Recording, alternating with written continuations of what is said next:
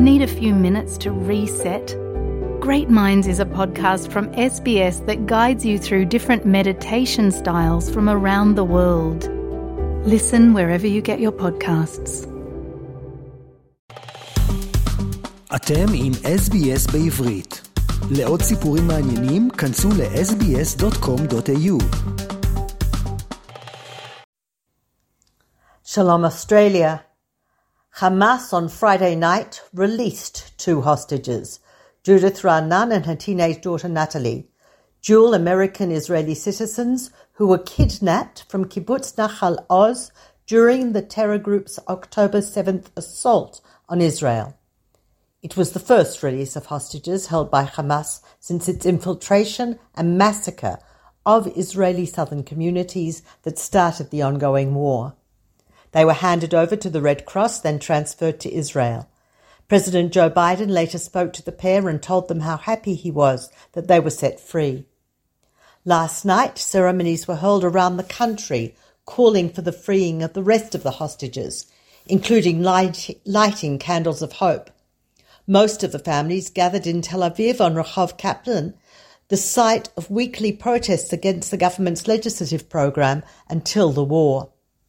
Latest figures are that there are still 210 hostages being held by Hamas. Families of the hostages were divided about the wisdom or morality of allowing humanitarian aid into Gaza before their loved ones were released. Today, 20 truckloads of aid were sent into Gaza, negotiated with President Biden when he was in Israel at the beginning of the week. Uh, parents have been angry Families have been angered by their abandonment by the government, which they say allowed the original invasion two weeks ago, and their banners read, Do not abandon us a second time. Although Gal Hirsch was appointed more than a week ago to coordinate the release efforts and communication with the families, many say that they have still had no official contact and all feel that they are not being updated on any progress. Israel has been inundated with visits by leaders of countries showing their support during this war. The first was Romania's Prime Minister Marcel Ciolacu. Then German Chancellor Olaf Scholz met with Prime Minister Netanyahu Benny Gantz and former Chief of Staff Gadi Eisenkot. Italy's Giorgia Meloni visited yesterday. Wednesday's visit by President Biden was considered the strongest show of support to Israel from the US of all time. The president emphasized that the US is firmly behind Israel and will ensure that she is able to eliminate Hamas as a threat. Biden said the US stood by during the Shoah, but would not stand by again. He stated unequivocally that the blast, which caused enormous damage and many casualties in the Al Ahli Baptist Hospital in the Gaza Strip the previous night, was the result of an Islamic Jihad bomb and not connected in any way to Israel. Hamas and the, much of the Arab world falsely blamed Israel. Biden said that not only did Israel's evidence show that her air force was not to blame, but that the US has independently verified that it was not Israel. Egypt yesterday hosted regional leaders and senior Western officials for a summit on the war between Israel and the Palestinian terror groups in Gaza.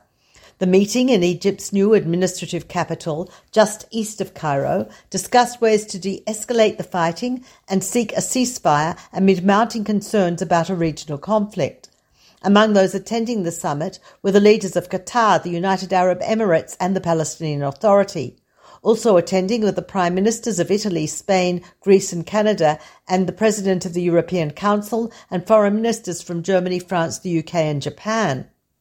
Palestinian Authority President Mahmoud Abbas there reiterated his complete rejection of the killing of civilians on both sides. He also urged the release of all civilians, prisoners, and detainees, which would suggest the 210 hostages kidnapped from Israel and held by Hamas in Gaza, almost all of them civilians, including children and the elderly, and Palestinian prisoners held by Israel. Abbas called for Israel to stop its barbaric aggression in Gaza. He also says Palestinians will not leave Gaza, saying, We will not leave, we will not leave, we will not leave, and we will remain in our land. Although the focus of the war is still Gaza, this past week has seen a serious upsurge in attacks from the north. Hezbollah has taken responsibility for most of the mortar fire, although Hamas is also active in Lebanon, and the several incursions into Israel by terrorists are believed to be by Hamas operatives. Most of the Israeli civilians within two kilometers of the northern border have been evacuated south. Residents of Kiryat Shmona were expected to be evacuated on Friday and last night expressed anger at the failure of the government to find safe places for them. 1,400 Israelis have been killed in the war, each day, the names of those most recently identified are announced. Sergeant Omer Balva, 22, from Herzliya, was killed on Friday night in an anti-tank missile attack along the border with Lebanon. He was in the US last week when called back into reserve service, and like so many of his peers, promptly flew back to Israel to report for duty. Two Thai workers were wounded by shrapnel in a Hezbollah missile attack from Lebanon in the Margaliot area. Yesterday, the IDF carried out three drone strikes against Hezbollah squads in southern Lebanon who were preparing anti tank guided missile attacks. Hezbollah announced the death of Ismail Ahmed al Zain, who was killed while performing jihad. At least 14 Hezbollah members have been killed in Israeli retaliatory strikes in southern Lebanon in the past two weeks.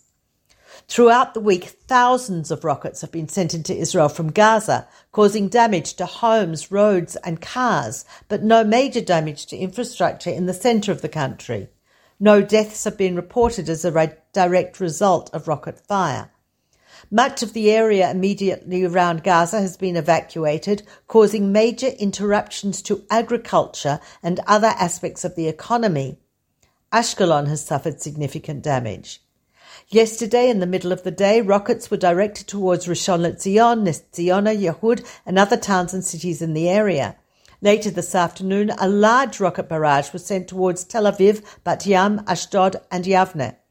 Earlier in the day, another house in the evacuated city of Sderot was hit directly by a rocket. IDF spokesman Rear Admiral da- Daniel Hagari said that, that yesterday, a fifth of rockets launched by Palestinians in Gaza a total of 550, had fallen short in the strip, killing Gazans. The IDF announced that it is continuing to prepare for the expected ground offensive in the Gaza Strip. Troops are conducting training in accordance with approved operational plans. Tens of thousands of troops have been deployed to the Gaza border in recent days. Hagari also said that the IDF has received more than 2,000 requests from Haredim, to join the military amid the war. Tomorrow they will begin to be drafted as volunteers. Tens of thousands of Israelis have been responding to the war effort by volunteering in multiple ways, from bringing needed supplies to the army, where distribution of protective gear, personal needs, and even food has lagged behind the need, to helping evacuate citizens from, from the south, including under fire, and providing needs from material needs to counselling and other support to those evacuated, or by the biggest names in the music industry performing in a major fundraiser yesterday.